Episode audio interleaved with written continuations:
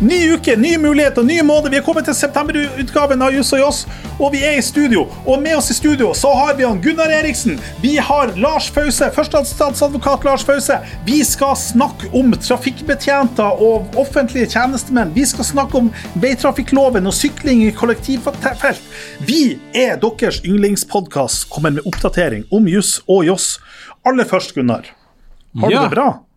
Jeg har det aldeles eh, strålende og fantastisk, eh, Marius. Og jeg hører jo på de innledningene at eh, det står ganske brukbart til med, med deg også.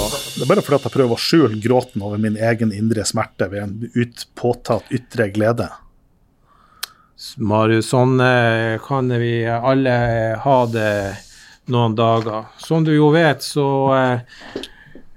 har jo eh, f.eks. klovner en arbeidsdag hvor de må være morsomme og glad hver eneste dag.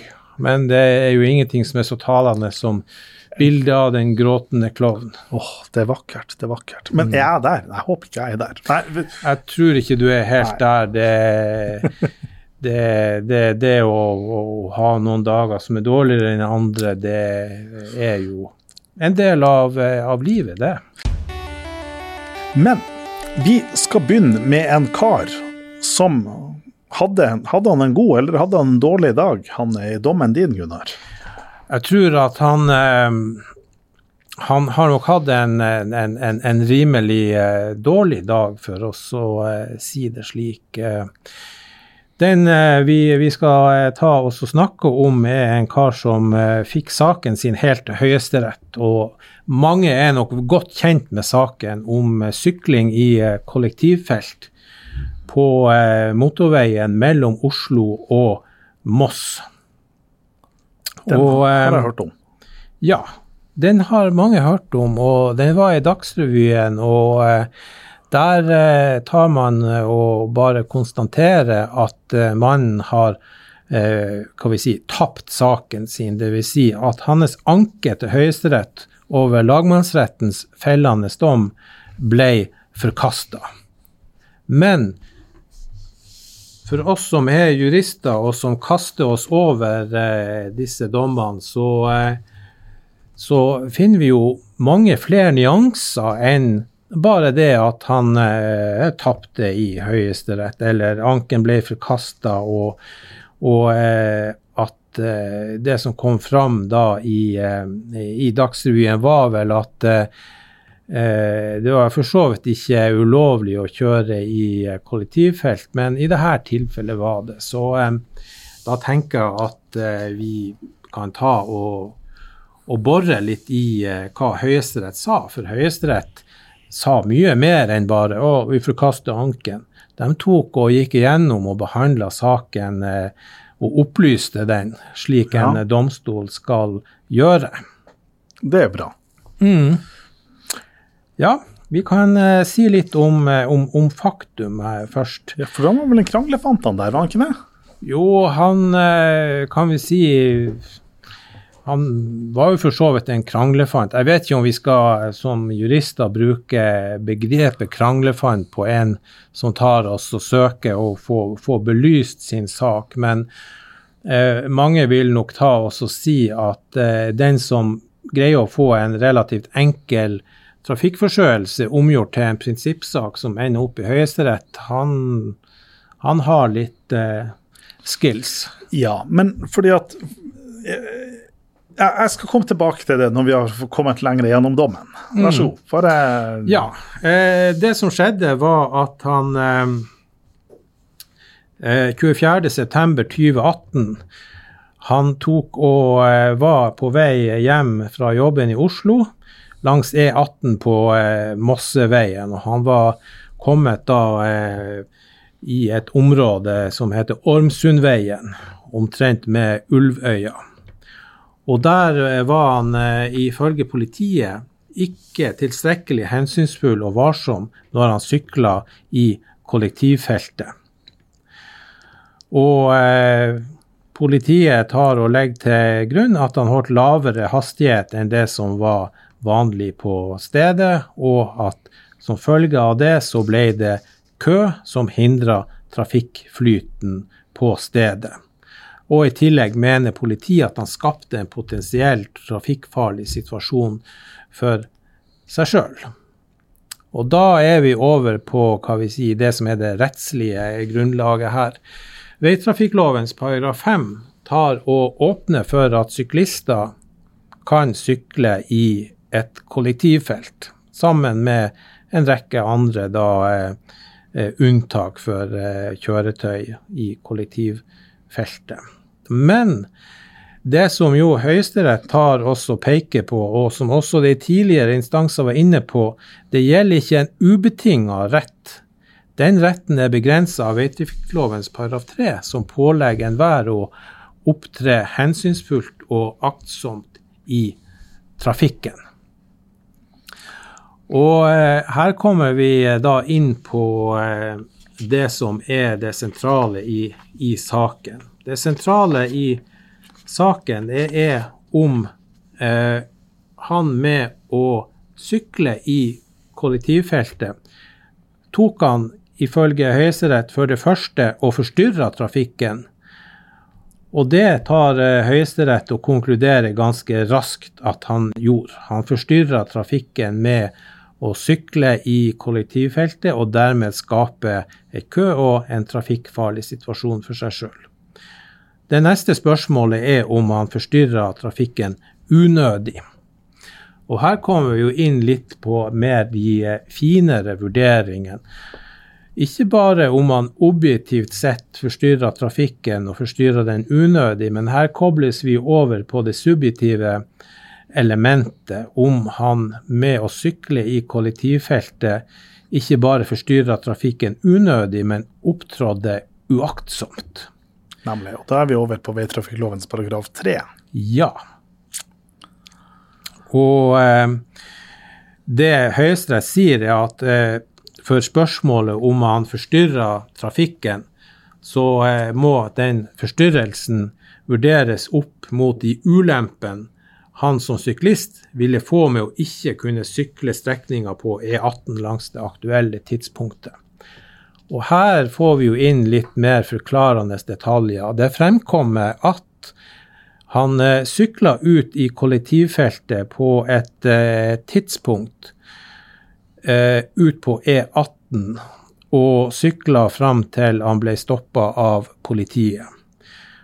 Og det var faktisk sykkelvei, langsgående sykkelvei eh, langs E18 på den aktuelle strekninga. Men den sykkelveien den var eh, da ganske svingete og tidvis smal, slik at han ville vært nødt og holdt ei mye lavere hastighet på denne sykkelveien enn han kunne ha gjort med å sykle i kollektivfeltet.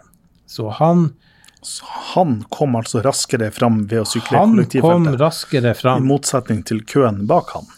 I motsetning til køen bak ham. Og eh, det som eh, er eh, en, eh, et, et clou her, det er at han tok og la seg midt i kollektivfeltet. Med å gjøre det, så hindra han da at noen kunne kjøre forbi. Fordi i bilfeltet på venstresida, der sto køa bom fast. Og en følge av at uh, han sykla midt i kollektivfeltet, var at det bygde seg opp kø bak han, til tross for at han hevda at han på deler av strekninga i nedoverbakke eller slags strekning var oppe i ca. 40 km. Så foregikk syklinga for det meste i lavere hastighet enn 40 km. Og hvor var høyhastighetsbegrensning? Hva var fartsgrensa på stedet? Står det? Det er vel E18 opp i 80 det, der, det, noe sånt. Det var vel eh, på store deler av den strekninga var vel 60 ja. km. Eh, enda i eh, rimelig tettbygd strøk. Ja. Og det som også er et poeng her, det er at det kommer frem at han orienterer seg ikke bakover. Han følger ikke med bakover og legger merke til at det bygger seg opp eh, trafikk. Og som Høyesterett gjentar en, flere ganger, at i den køa så var det minst to busser da. med kollektivreisende som da ville bli forsinka som følge av at han eh, hindra trafikken. Sjøl så eh, begrunner han eh, at han var nødt til å ha oppmerksomheten fremover, og kunne ikke drive og se seg bakover for å sykle trygt. Videre så erkjenner han at han la seg bevisst midt i kollektivfeltet fordi at han ville oppnå nettopp det motsatte som politiet beskylder han for. At han med å sykle midt i skapte en trafikkfarlig situasjon. Så sa han nei, jeg sykla midt i, for da kunne ingen kjøre forbi. Og det med å hindre folk å kjører forbi, så eh, oppsto ikke da trafikkfarlig situasjon på trafikkfarlig situasjon, ifølge hans versjon. Det er ikke politiet enig i, og det er ikke Høyesterett enig i. Og Høyesterett eh, innfører da, eller ikke innfører, de tar og gjør ei slags pris, presisering av den uaktsomheten han har utvist. De tar og så kaller det for en bevisst uaktsomhet. Ut fra det at han forklarte at han har tatt bevisste valg med å sykle midt i, mm. bevisste valg med å ikke orientere seg om hvorvidt det oppstår kø. Nemlig. Og dermed så har han ikke opptrådt hensynsfullt og aktsomt i trafikken. Han har hindra og forstyrra trafikken unødig. Og som en siste lille rosin i, i denne her saken, så tar Høyesterett og setter brennmerke på en liten uttalelse i lagmannsrettens dom. Hvor eh, lagmannsretten sier at han som syklist han tok kun og tenkte på sine egne behov og sitt egen velbefinnende med oss å sykle i dette kollektivfeltet. Høyesterett tar og, og understreker at dette er de hjertens enig i. Og med hva vi sier, det danna språk som jurister bruker, så kan det her oversettes rett og slett til at både lagmanns- og høyesterett konkluderer med at han opptrådte som en stor egoist med å gjøre denne syklinga i kollektivfeltet som han Nemlig. gjorde. Men, uh, Men, la oss se på hva da er betydninga av denne dommen. Mm. Fordi, at, fordi at i, altså i trafikkreglene paragraf 5, som du viste til i stad, så står det fem andre ledd. Så står det kjøring i kollektivfelt og sambruksfelt er bare tillatt som angitt på, som angitt på offentlig trafikkskilt. Likevel kan elektrisk eller hydrogendrevet motorvogn, tohjuls motorsykkel uten sidevogn, tohjuls moped, sykkel eller uniformert utrykningskjøretøy nytter slike felt. Og det er klart, Her har vi jo da på unntaket sykkel. Så Det betyr mm. at, at altså, regelen i trafikkreglene er, hovedregelen er på kollektivfelt, gjelder for kollektiv, pluss sykkel eller moped og det her. Men det Høyesterett da gjør, de tar altså ikke utgangspunkt i den avgjørelsen. De går rett på den uaktsomme regelen. Mm. Så hvis vi da tar spørsmålet, ok, men, men hvis man nå hadde ligget på et kollektivfelt med stillestående kø, og det er ei 80-sone der kollektivfeltet er, og man kommer kjørende i mopeden sin som er hastighetsbegrensa til 45 km i timen, man ikke har eh, eh, foretatt ulovlige justeringer av den. Mm så kan man jo ikke da lage et prejudikat ut fra den her og si at det er ulovlig å kjøre moped i kollektivfelt likevel, men poenget her er vel da at hvis man skal kjøre moped i kollektivfelt, så er du nødt til å ikke oppføre deg som en egoist.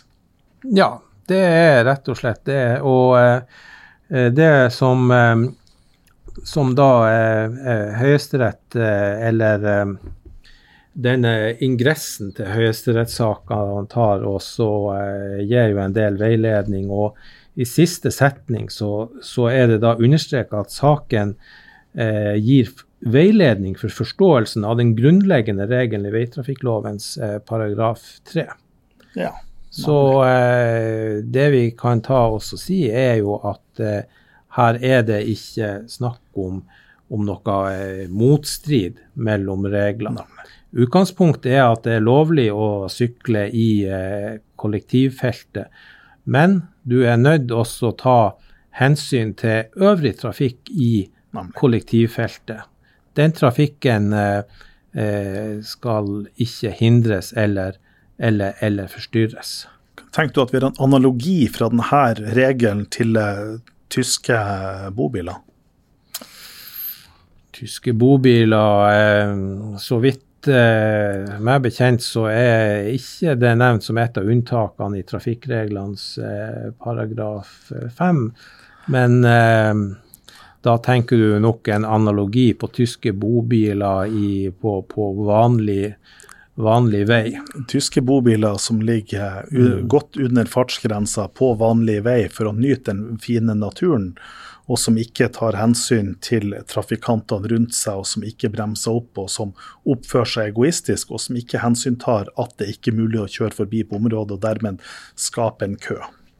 Jo, det er en uh, klar uh, parallell. Og uh, i denne saken, når du nå nevner det, så blir det da trukket fram som et sånn handlingsalternativ at hvis du er saktekjørende, så vil hva vi si, en ivaretakelse av det her med at man ikke skal forstyrre trafikken, være at man tar og svinger inn til sida og slipper forbi trafikk som har køa seg opp eh, bak deg.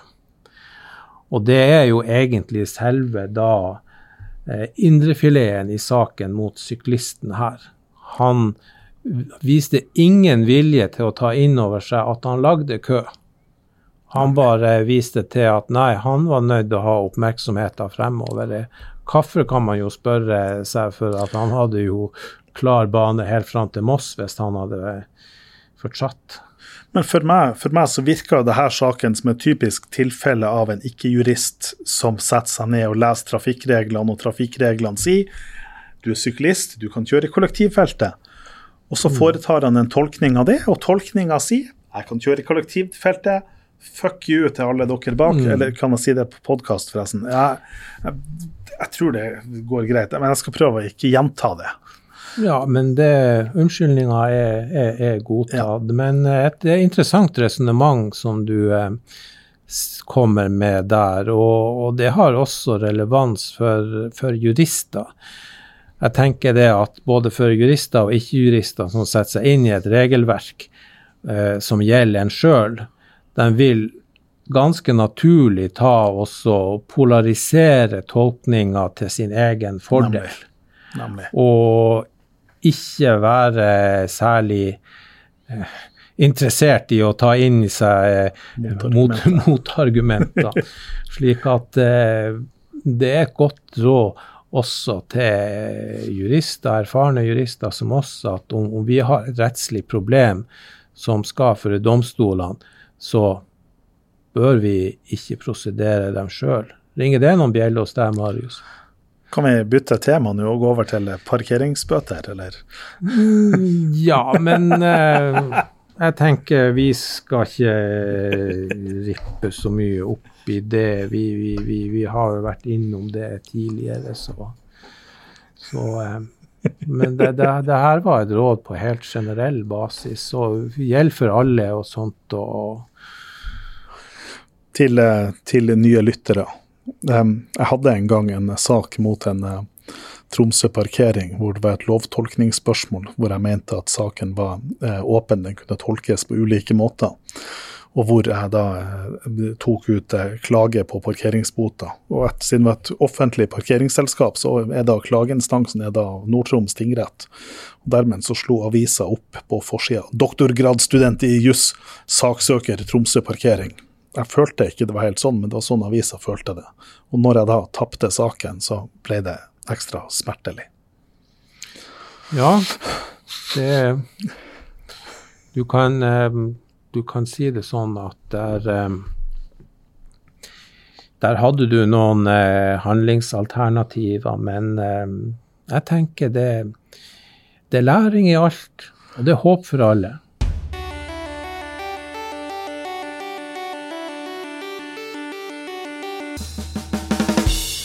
Ja, og da skal vi over på min dom, og da er det jo lett å tro at vi skal over på et helt annet tema, men det skal vi jo ikke. Er det enda mer sykling, eller skal du sykle deg bort til noe annet?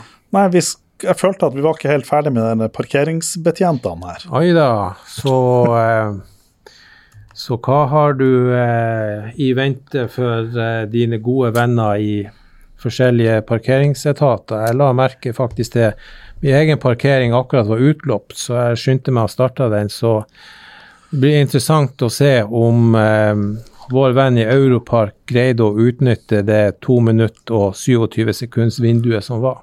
Men jeg har, jo, jeg har, jo, liksom forberedt en slags innledning til denne dommen før jeg fant ut at du skulle liksom begynne å sparke meg der jeg lå nede på slutten av din dom. Mm. Så innledninga mi er da som følger. Du Gunnar, hva er en sadist for noe? Ja, en sadist Det må jo, eh, det må jo være en som f.eks. Eh, jobber med å en parkeringsvakt. Eller tannlege. Eller tannlege, ja. Vi, vi skal over på Høyesteretts avgjørelse HR 2020-1724A av 3.9.2020. Og Det som da skjer, er at vi er i Oslo ved 2.1.2019 klokka halv seks. Og da kommer det en bybetjent som hadde ilagt B et tilleggsgebyr for piggdekk. Og da gikk B da mot bilen.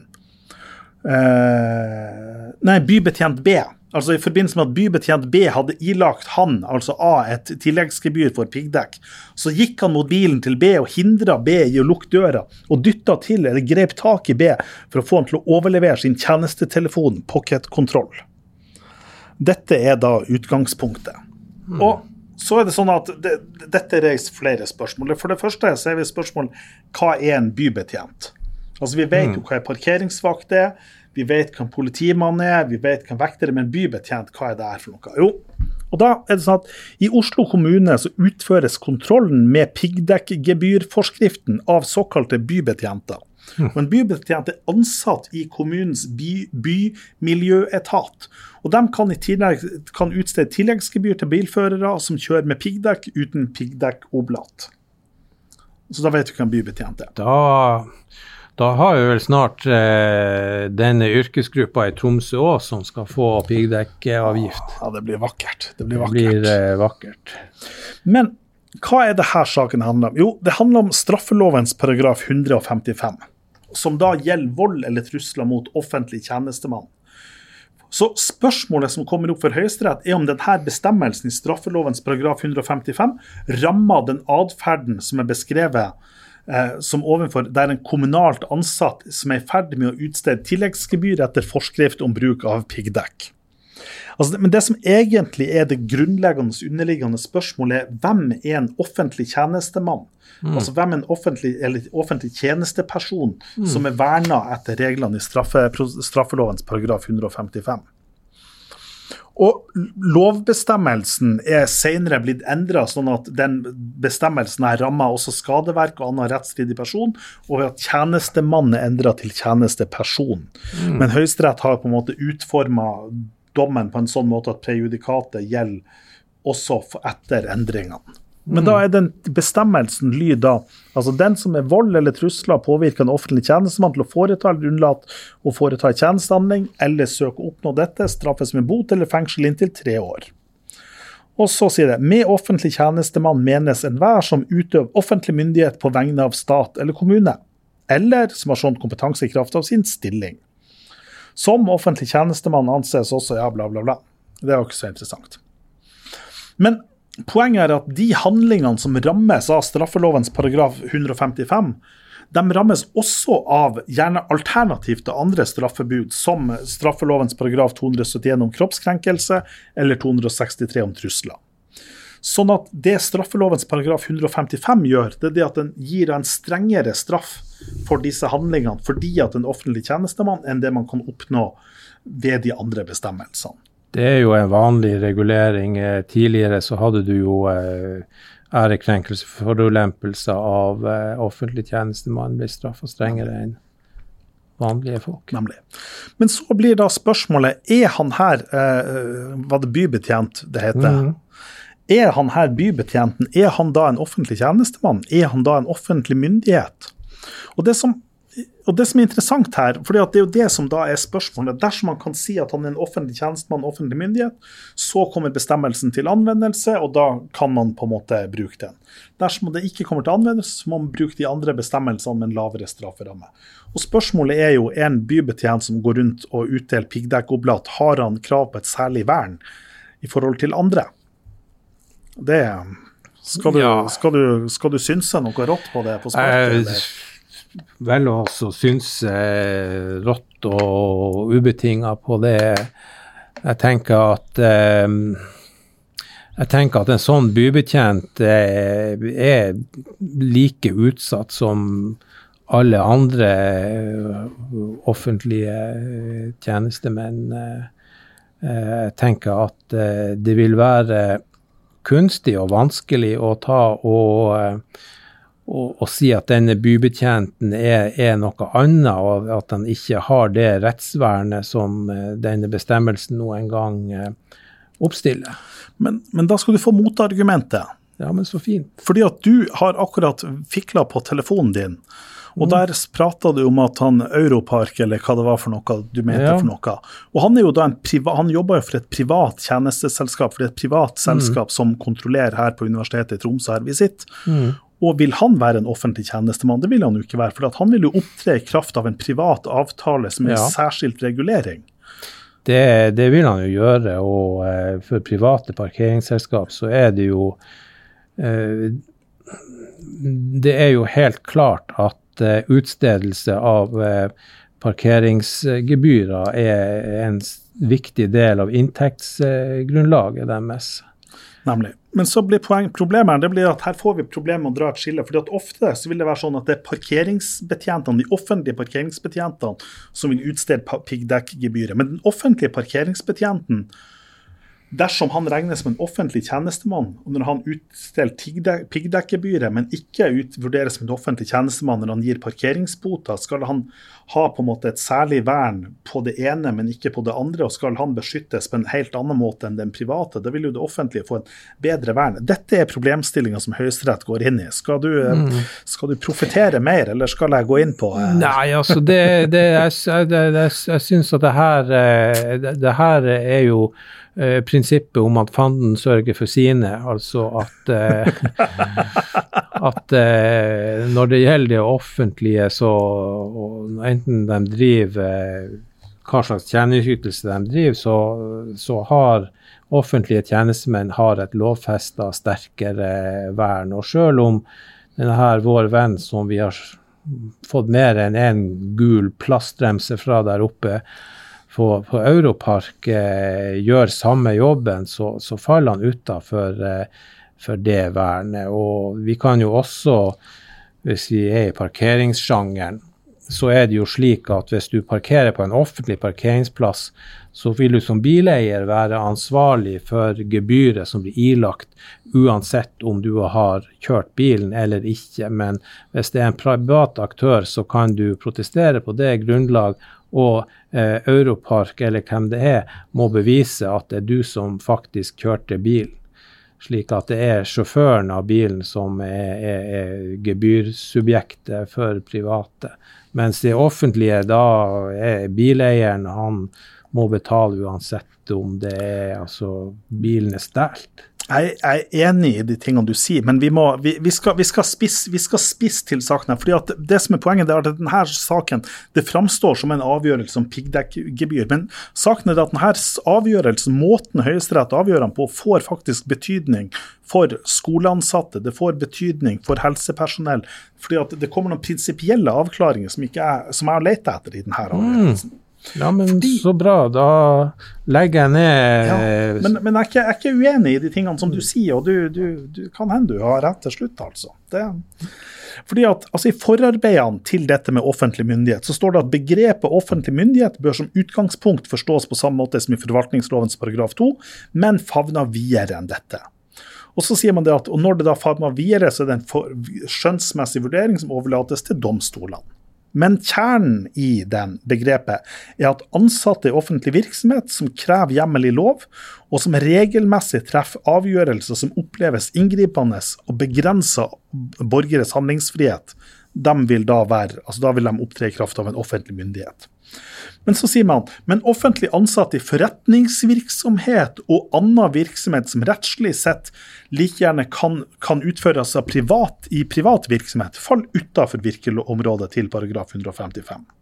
Det er på en måte forarbeidene sitt utgangspunkt.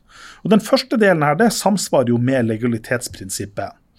Eh, men hva, men når du ser på, men hva med offentlig ansatte i forretningsvirksomhet og annen virksomhet som rettslig sett like gjerne kan utføres som et ledd i privat virksomhet? Og Da har jeg noen eksempler.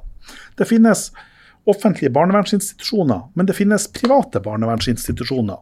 Skal man da si det at, at ansatte i en annen virksomhet som rettslig sett like gjerne kan utløves i privat virksomhet, faller det utafor? Skal det sånn at hvis man, hvis man driver en barnevern, barnevernstjeneste i kraft av barnevernloven, eh, hvor det er fylkesnemnda som bestemmer hvor, hvor eh, ungdommen skal, så er det sånn at det ene tilfellet så sender fylkesnemnda til en offentlig institusjon, det andre til en privat institusjon.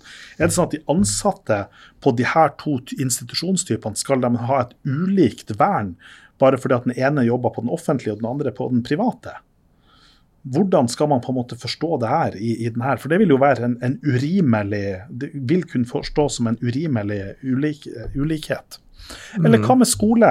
Du har, en, du har, et barn som utøver trusler mot en ansatt på en skole. Er det sånn at den, den, på den private skolen, som også drives etter opplæringsloven, vil den ha et annet vern enn en barnet? Ut ifra Nei, altså et annet vern enn den som tilfeldigvis jobber på den, på den offentlige skolen. Mm. Mm. Og ut ifra forarbeidene så kan det jo tyde på at her er det på en måte et eller annet sånn prinsipielt skille, og det framstår som, som lite prinsipielt og ikke godt mm. nok gjennomtenkt. Ja, Marius, eh, jeg tar og følger deg, og jeg syns at du argumenterer godt. Eh, det, det, som slår meg når eh, du tar og, og utreder det her, det er at situasjonen vi står overfor, er at du snakker om en, form for tjenesteyting eh, eh, som tradisjonelt sett har vært eh, monopolisert av det offentlige. Men som vi har sett nå i de siste ja, la oss si 40 årene, ja. så har jo mer og mer av offentlig tjenesteyting begynt å bli privatisert. Nemlig. Omsorgstjenester Nemlig. og utdanningstjenester. og og dermed så, så, kan vi nok si at eh, deler av regelverket kanskje ikke har, har fulgt med. Nemlig. At eh, da det var offentlig monopol, så så man det ut som en god tanke å gi de som jobber i det offentlige, en særskilt Nemlig. beskyttelse og, og, og rettsvern. Men når det går over til det private, så, så er, det, er man straks eh, utafor den offentligrettslige sfæren, mens beskyttelsesbehovet er like stort. Nemlig. Nemlig. Så da, eh, Hvordan løser Høyesterett det her? Jeg, jeg, jeg, jeg, sitter på fasiten. Du sitter på fasiten så godt å høre. Jeg føler at du har greid å male meg opp i et sånn passelig hjørne nå. vi, er, vi, er, vi, er, vi, er, vi er enige, men vi stiller de samme Det er prosessen her som er interessant. Det Høyesterett sier, er at det avgrenses mot virksomhet som rettslig sett like gjerne kan utføres som et ledd i privat virksomhet. Det siste må innebære at det ikke er avgjørende om det er prinsipielt utenkelig å overlate oppgavene til private, men må i stedet ta utgangspunkt i de rettsreglene som gjelder for hvem som skal utføre den aktuelle eh, myndigheten.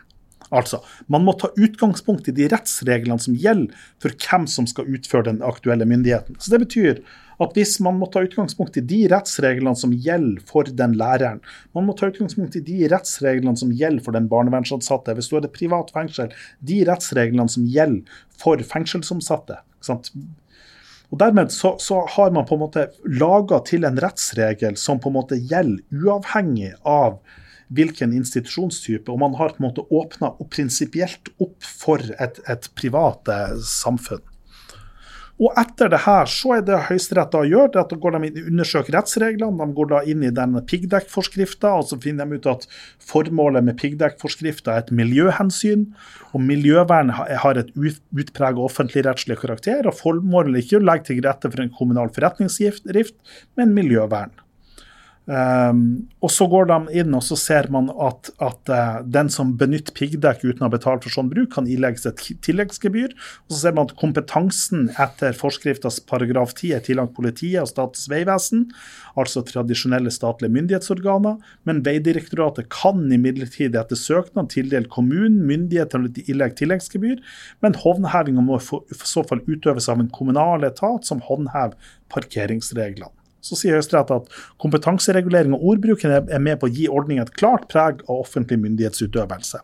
Samla sett kan det ikke være tvil om at ileggelse av tilleggsgebyr utgjør en myndighetsutøvelse. Mm. Og, og, og, dermed så har, i denne, i denne, saken her, som på en måte framstår som en sånn fille, fillesak om, om en, en, trafikkbetjent, så er det sånn at ja, man kommer på konklusjonen at bybetjenten en offentlig tjenestemann. Men det som er interessant her, det er rettsregelen. At man på en måte løser opp i det her. Hva er en offentlig tjenestemann, mm. og hvordan, hvordan, skal vi betrakte og man lager si at her er det Hvilke regler er det som er avgjørende? Mm. Mm. Og det her får jo også en betydning for, for, definisjonen av legalitetsprinsippet. For legalitetsprinsippet sier Grunnlovens paragraf 113 sier myndighetenes inngrep overfor den enkelte må ha grunnlag i lov. Så er det spørsmålet ja, hvem er myndighetene? Vil da denne skoleansatte vil det, på den private skolen vil han være myndighet? Ja, dersom de reglene han opererer etter, er eh, mm. hva, hva, var den fine formuleringa som, som, var der i stad? Um, um, dersom de rettsreglene som gjelder, Altså Man må ta utgangspunkt i de rettsreglene som gjelder for hvem som skal utføre den aktuelle myndigheten. Dersom disse rettsreglene er en offentlig type, som opplæringsloven mm. vil være, som eh, helselovgivninga er, mm. som hva det er for noe, så betyr det at da vil de være offentlig myndighet, og de vil ha det ekstra vernet. Mm. mm. Helt klart. Og da, da har du jo forklart det, og da er jo vår venn som kanskje har utnytta det vinduet på 2 minutter og 27 sekunder som jeg var uten parkering, faller utafor. Nemlig. Sånn er fasiten. Nemlig. Fordi at de rettsreglene ja. er utprega privat karakter. Ja. Nemlig. Helt klart. Helt klart. Men uh, da, har vi, da, har vi, funnet ut av det her. Men da, da, har vi funnet ut av det, og heldigvis så var forklaringa fullstendig tindrende klar, logisk, innlysende, stringent og rettslig riktig. Yes. Og da skal vi over til en annen offentlig myndighet.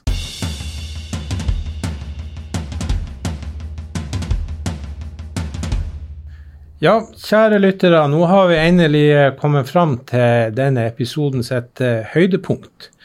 Og det er ikke et hvilket som helst høydepunkt, for uh, i gjestestolen i dag så har vi han førstestatsadvokat eh, Lars Fause. Både jeg og han Lars eh, er så gammel at vi studerte omtrent samtidig. Eh, mens eh, det skjedde, så eh, var vel han Marius Storvik, eh, min kjære kollega her, enda en pøbel som vokste opp i Bodø og sikkert hadde sine små problemer med påtalemyndigheter.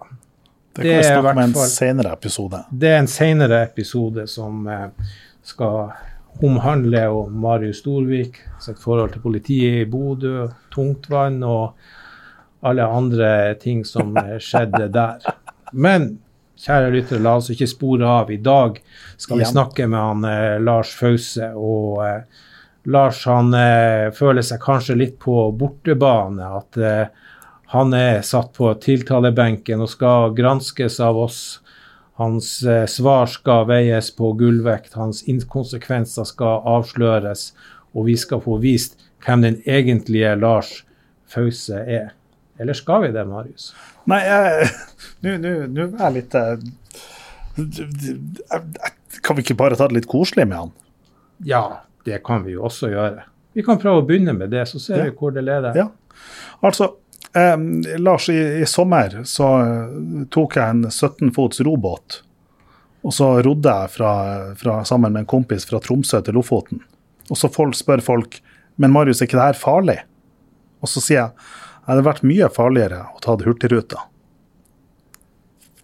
Ja, det er jo uh, sikkert uh, mange, som, uh, mange, som, lurer på det. og Den eh, saken som vi starta etterforsking på nå her eh, for en tid tilbake, den eh, starta jo i, i, media som en mediasak. og Etter eh, korte konferanser med politimesteren og et grundig møte med etterforsker og politiadvokat, så ble det beslutta å åpne etterforsking i eh, saken. og i korte trekk er det jo to tema, da, Særlig det er jo eh, rammes den atferden av et straffebud. og Neste spørsmål er om eh, foretaksstraff eh, vil være anvendelig. og De spørsmålene skal da politiet utrede før eh, saken kommer til, til meg til påtaleavgjørelse. Så vi får se hvor det her ender opp. Men, men hvor er det hunden ligger begravd for dere? Det vil, det vil, alltid være et tema å avklare hva som har skjedd. og Nå har jo Nordlys vært veldig flink til å, til å grave fram. og Om det samme kommer fram som et resultat av etterforskninga, det vet jeg ikke, men det vil vise seg.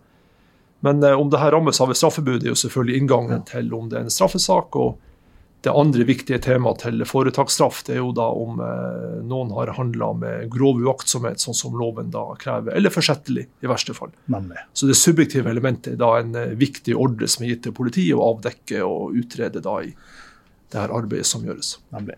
Og det subjektive elementet som du prater om, det er det vi på godt norsk kaller skyld. Er det, er det, noen Har Hurtigruta som selskap skyld i det her, eller har de bare vært litt uheldige? Eller uforsiktige, liksom? Ja, det er, det, det man skal nok? prøve, å, prøve ja. å finne, finne, ut av. Og jeg har jo også lest til øye stort og vått Jon Petter Rui sine utmerkede artikler eh, om de mm. tingene her, og diskusjonen som er rundt straffeloven paragraf 27. Jeg var til og med sensor på to masteroppgaver her eh, i, eh, i vår da, som hadde diskutert denne problemstillinga. Så vi skal prøve å gjøre det som er rett også, eh, sammenligna med hva EMD har sagt på området. Så vi skal prøve å være innafor eh, lov og rett, da. det kan jeg vel garantere. Så får vi se hvor det her eh, bærer hen. Men, men, du sier du har vært sensor på to masteroppgaver om problemstillinga. Her er du da sant, du er en teoretiker, du jobber som første statsadvokat, og så er du samtidig sensor. Når du leser de her masteroppgavene, gir det deg noe i jobben? Er det sånn at du tenker på når du jobber med denne saken, ja, det var det den her her studenten skrev? Jeg tror jeg skal si at jeg har vært så heldig at jeg har hatt et forhold til uh, juridisk fakultet siden Gunnar og jeg gikk i kortbukse her, det er jo en stund siden, da, men uh, 200 år siden. 100 år siden. Gunnar var ferdig halvt år før meg. og etter det så Jeg jobba jo like med Gunnar et halvt år før jeg begynte i, i politiet. da, og har, har hatt et forhold til fakultetet alltid som seminarleder, og i siste årene så har jeg vært veileder for masterstudenter. og og alltid vært sensor på master og et og annet oppdrag ellers har jeg hatt. Og det, det, er jo ingenting som er bedre og måte å holde ved like kunnskap på enn å møte friske studenthoder med friske problemstillinger. og, og så bryter man litt meninger, og eh, så mm. lærer jeg kanskje like mye jeg som, som student. Og Det er et viktig grunnlag å ha med seg når man går inn i den, det tragiske, den tragiske delen av verden som da gjelder eh, straffesaksbehandling.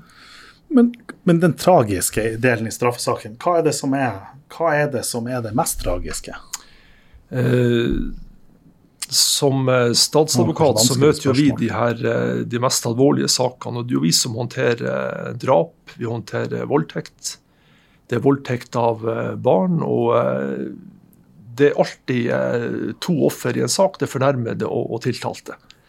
Og etter hvert som årene har gått og man eh, kanskje har jekka seg litt ned fra, fra det yppige til det, til det tenksomme, så, så tenker jeg mer og mer at eh, det er to offer i hver sak, og både den fornærmede og tiltalte må, må behandles ut fra, det perspektivet. Så det, kort fortalt er det tragiske vi møter i hverdagen som, som statsadvokat. Men eh, Lars, du snakker om to offer, men eh, ofte ser vi jo at, at, du får jo en rekke tredjeparter som offer. Jeg tenker både på familien og til tiltalt og gjerningsmannen. Har du opplevd i noen saker at, at kanskje gjerningene som ble gjort, har ramma uforholdsmessig antall personer på begge sider? Ja, Hvis vi går eh, ett år tilbake i tid, så satt jeg i eh, Vadsø eh, i Øst-Finnmark tingrett. og Der var kortversjonen av saken som, som følge at en 18 år gammel gutt hadde sommerjobb på Coop Extra. Og mens han sitter i skranken, så kommer da, eh, kommer da en uh, asylsøker som er fra Afghanistan eller Pakistan, vi er ikke helt sikre. Om han er 18 eller 20 år, det vet vi heller ikke, men går inn og uh, finner etter hvert fram en tapetkniv og går like bort til den 18-åringen og skjærer over strupen på han. med, med døden til, til plutselig følge. Og eh, Jeg kommer aldri til å glemme når man sitter i rettssalen og det vises bilder av hendelsen fra overvåkningskamera til, til butikken. og To foreldrepar sitter bak meg og opplever det her. Det var en sterk opplevelse. Så eh, det, det er en del sånne sider også med, med, jobben som man må, må, takle. da. Han ble domfelt til særreaksjon, og, men eh, det er klart, den saken glemmer jo aldri de her mm foreldrene og søsknene som satt i ja, Det viser jo at det tragiske kan jo ha en langt videre rekkevidde enn en man kanskje ofte tenker i en, i en straffesak, at, eh, at, det er fælt for offeret og tungt for gjerningsmannen, og at det her gjerne rammer langt, langt flere personer enn en folk flest tenker på. Og så har vi andre saker hvor det, er, det kan være folk som er rammet av sykdom og psykiatri, som, som, begår ting de eh, slettes ikke er ment å gjøre. og Har også mm. møtt foreldre og søsken som, som, er offer for en person som gjør ting som er veldig galt og gått utover mange, men som, som må tas vare mm. på på en ordentlig måte. Så det, mm. det her går begge veier absolutt i, i de fleste alvorlige sakene. Mm. Men, men jeg, jeg, leste en, jeg, leste en, sak fordi Vi prater om, om, psykiatri. Og, nei, jeg, leste en dom fra Hålogaland lagmannsrett for noen år siden, hvor det var en, en pasient som var tvangsinnlagt på, på Åsgård, som er det psykiatriske sykehuset her i Tromsø. Og så hadde, så hadde eh, det vært en, en, situasjon med en utagering, og så hadde personalet ikke klart å kontrollere situasjonen, og pasienten hadde fått tak i en kniv og politiet kommer til, og politiet på en måte nærmer seg pasienten med skjold, og hvor politiet, pasienten så tar den kniven og kaster den i skjoldene til politiet. Og så kommer da saken om for lagmannsretten, og så blir det, var du, var du kanskje aktor i den? Eller? Jeg kjenner saken, men var ikke aktor i den. Ja, okay, ja. Um, og, så, og, og, så, ender det opp med det at den, denne pasienten da blir straffedømt for drapsforsøk, tror jeg, mot politiet. Men altså, om det var drapsforsøk, eller om det nå var Eh, blir i hvert fall for, for denne, for denne knivkastinga mot offentlige tjenestemenn. Um, og, så, og, så, var liksom min første reaksjon i det her at jo, men her har du en person som er som er på en måte tvangsinnlagt, som på en måte har en alvorlig sinnslidelse som på en måte forutsetninga for at personen er til stede der. Og så, når den da gjør denne handlinga, så er den da plutselig frisk nok til at den kan bli straffedømt for det. Ja, Det var en uh, tricky, uh, tricky, problemstilling. Men uh, hvis vi begynner med noen utgangspunkter her, så vil det jo ved de her, iallfall etter dagens lov, altså før vi får ny lovendring nå i oktober, da, så, så, er det jo de, de mest alvorlige forbrytelsene som, eller ellers straffbare handlinger som kan ende med, med særreaksjon. Og det, det, beste og det man ofte møter, det er jo at eh, tvungen psykisk helsevern-loven slår inn, og administrativt vedtak foreligger på på personen før man går retten og ber om særreaksjon. Og Da er man ofte enig med, med Åsgård sykehus eller nede i Bodø om hvordan ting skal være før man, mm. uh, før man, går retten. Og Det er også lett for en dommer å slå fast at uh, tvunget psykisk helsevern etter kapittel 3 eller kapittel 5 uh, da skal, skal, slå inn. Mm. Men det tilfellet der du prater om der, at noen er på institusjon og begår straffbare handlinger og kan straffes, og paragraf 20 i straffeloven ikke slår inn, det, det kan vel skje. men jeg vet også at i mange saker så har det vært uenighet mellom psykiatere på Åsgård mm. sykehus og de rettsoppnevnte sakkyndigene. Senest i forrige uke hadde en sånn sak hvor det var uenighet, uenighet om diagnose. så det er vel antagelig der den saken du nevner til ligger, at det er uenighet faglig om eh, ja. innholdet i eh, psykosen som, som ja. gjaldt.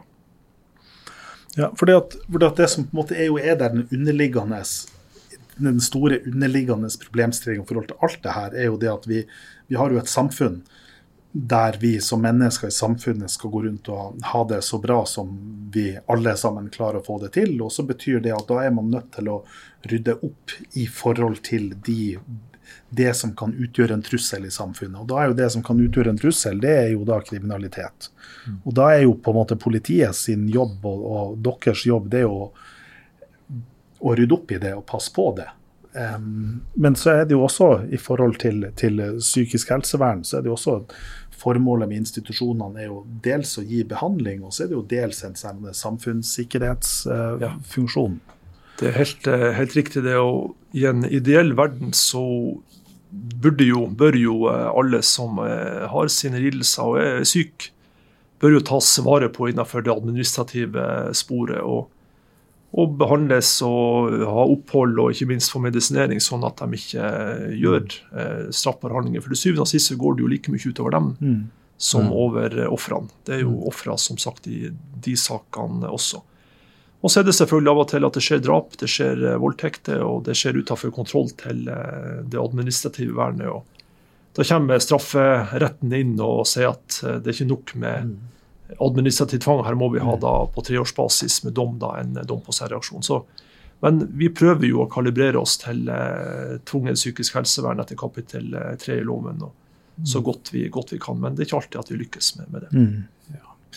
Ja, nå som eh, dere lyttere tar og eh, hører det her, så eh, har det jo nylig vært da eh, eh, om denne her tragiske Fagereng-saken eh, ganske mye i eh, media. Og vi har jo da eh, fått eh, litt nærmere innblikk i eh, hva som har skjedd. og eh, nå ligger ballen hos eh, dere i statsadvokatembetet, er det slik å forstå? Ja, saken eh, var ferdig etterforska her for eh, i sommer. og når jeg var ferdig med ferien, så sendte jeg saken til, eh, til Riksadvokaten med, med innstilling. og Det skal ikke jeg si hva går ut på, for det offentliggjør vi sannsynligvis på, på fredag. Men i korte trekk så er det da en kvinnelig asylsøker, hun var fra Sudan, som blir da funnet omkommen ved Fagereng. Det er på grunt vann, det er vinterstid, det er kaldt. Og eh, I tillegg så er to av hennes barn blir funnet eh, død som følge av drukning eller forfrysning. Og det tredje barnet eh, fikk jeg vite når nettopp har kommet seg såpass at hun klarte å stå oppreist. Det skjedde nå i forrige uke. Og det sitter igjen en enkemann etter saken og forstår lite eller ingenting av det som har skjedd. Så det, det er jo en, en av de mest dramatiske, tragiske hendelsene vi har hatt i Tromsø på, på lang tid. Og eh, Det politiet fikk ordre om, det var å gjøre en så grundig eh, etterforsking som, som mulig. Og det var helt nødvendig å komme til bunns i hva som har, har skjedd. Mm. En ting er jo å kunne konstatere at det er hun som har eh, gjort eh, handlinga, eventuelt at det var ulykke, men enda viktigere har det vært å utelukke at det er andre som står bak direkte eller indirekte i de her eh, tragiske dødsfallene til, til de tre, og drapsforsøk på den, den siste som vi har definert det som. Så jeg håper at vi på fredag kan eh, gi en god eh, brief til, til media på det her, og gi så mange svar som mulig fra, fra det samfunnet lurer på. For jeg vet at den saken har vakt oppmerksomhet, ikke bare i Tromsø, men i, i hele kongeriket. Ja, mange som ikke er så bekvemme med strafferett, de har eh, i hvert fall da saken kom opp, eh, reagert på at eh, mora, som jo døde, ble tiltalt for eh, drap. Kan du forklare det litt sånn teknisk? Ja, det var, det var en diskusjon med politiadvokaten på det spørsmålet. og Jeg var tidlig opptatt av at eh, selv om det er en asylsøker, eh, selv om eh, vi hadde en hypotese om at hun var den som hadde forårsaka eget og de andre sin dødsfall, så skulle hun ha de grunnleggende rettighetene i, i saken. Det var viktig at hun fikk oppnevnt en uh, forsvarer. Uh, det er blitt foretatt uh, ransaking av hennes eiendel osv. Da var det naturlig at hun fikk en status som, som sikta. Så den, den, tekniske statusen er kanskje ikke så viktig, men jeg er sikker på at forsvarer advokat Tore Pedersen har vært enig i at det var, var riktig å gjøre det, og at hun har gjennom sin forsvarer, da, selv om hun er død, så, har, så er hennes ettermæle blitt ivaretatt gjennom det jobben som han har gjort på en på grundig måte. Så her var det viktig å ta i vare ettermælet til, til, en død person. Det er det som var begrunnelsen for det vi ja. gjorde da. Det er veldig godt å, å høre og sånt, men det eh, fremtrer jo kanskje ikke sånn, sånn umiddelbart eh, som eh, innlysende, for, i hvert fall for, for, for, vanlige folk. Det kommer en del spørsmål på, på, på, det akkurat der og da, i de hektiske dagene mm. rett etter tragedien hadde inntrådt. Nei, det er riktig, det. Og, men uh, min hensikt med det her det var å gjøre ting på, på en så ordentlig og ryddig måte på, for alle, alle, parter. Selv om du dør, så, så, er det viktig for oss at ettermælet blir tatt vare på en, på en god måte. Og det håper jeg at vi kommer til å klare.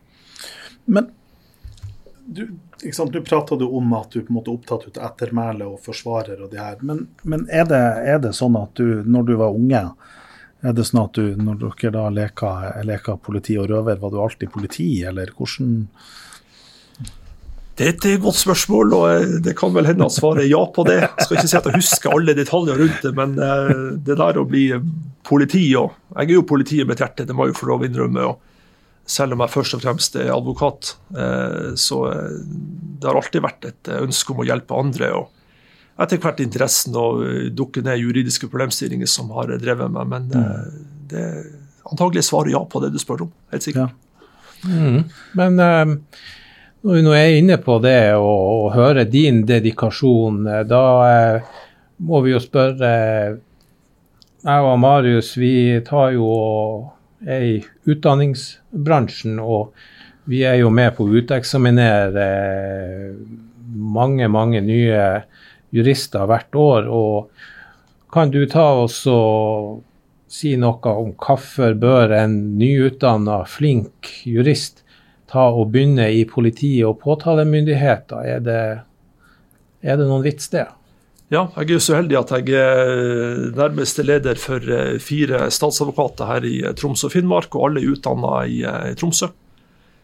Og under oss på, på nivå i politiet så har vi 42 politiadvokater til sammen. og Flesteparten av dem er også utdanna ved Universitetet i Tromsø. Og Vi er så heldige at vi får ja, det er jo utskiftinger og påfyll av alt fra tre til fem-seks eh, nye politiadvokater hvert år. og eh, Min korte erfaring er at eh, nivået blir bedre og bedre for, for hvert år.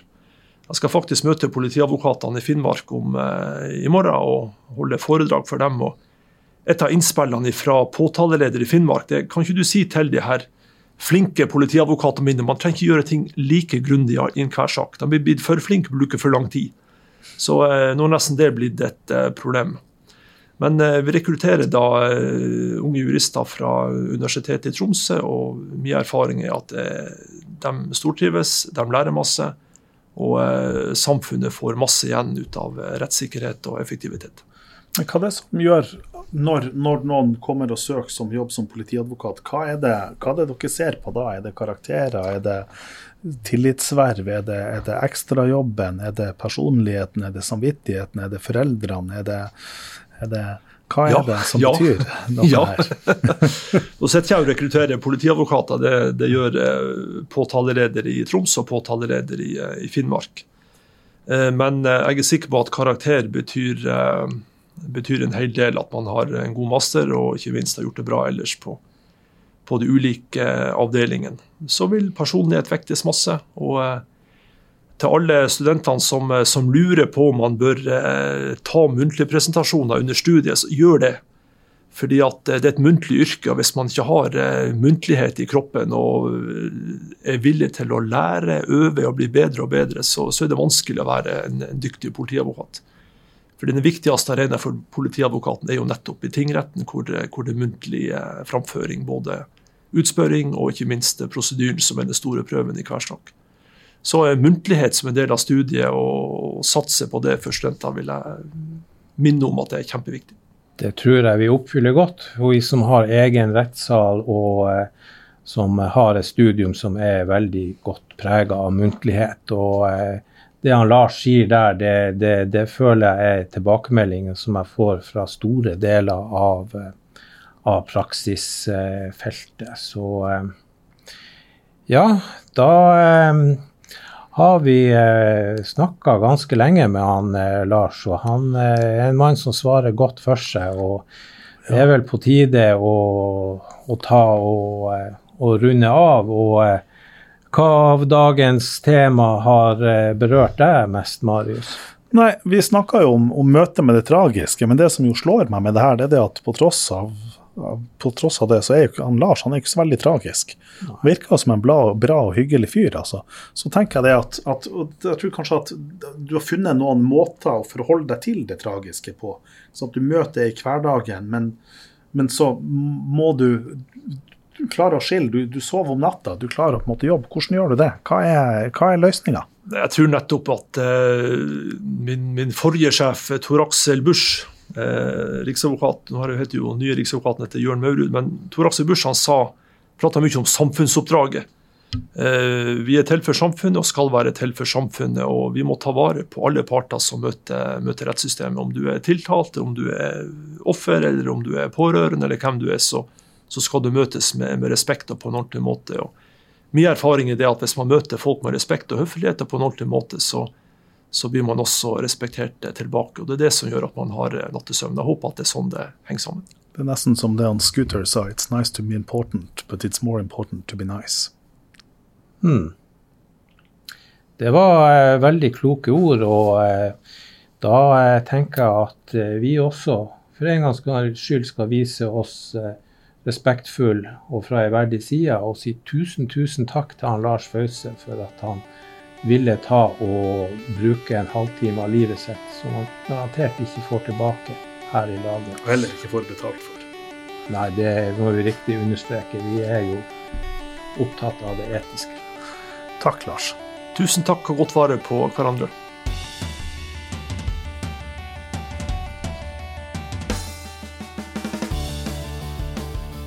Podkasten Juss og Joss produseres i samarbeid med Result på Universitetet i Tromsø.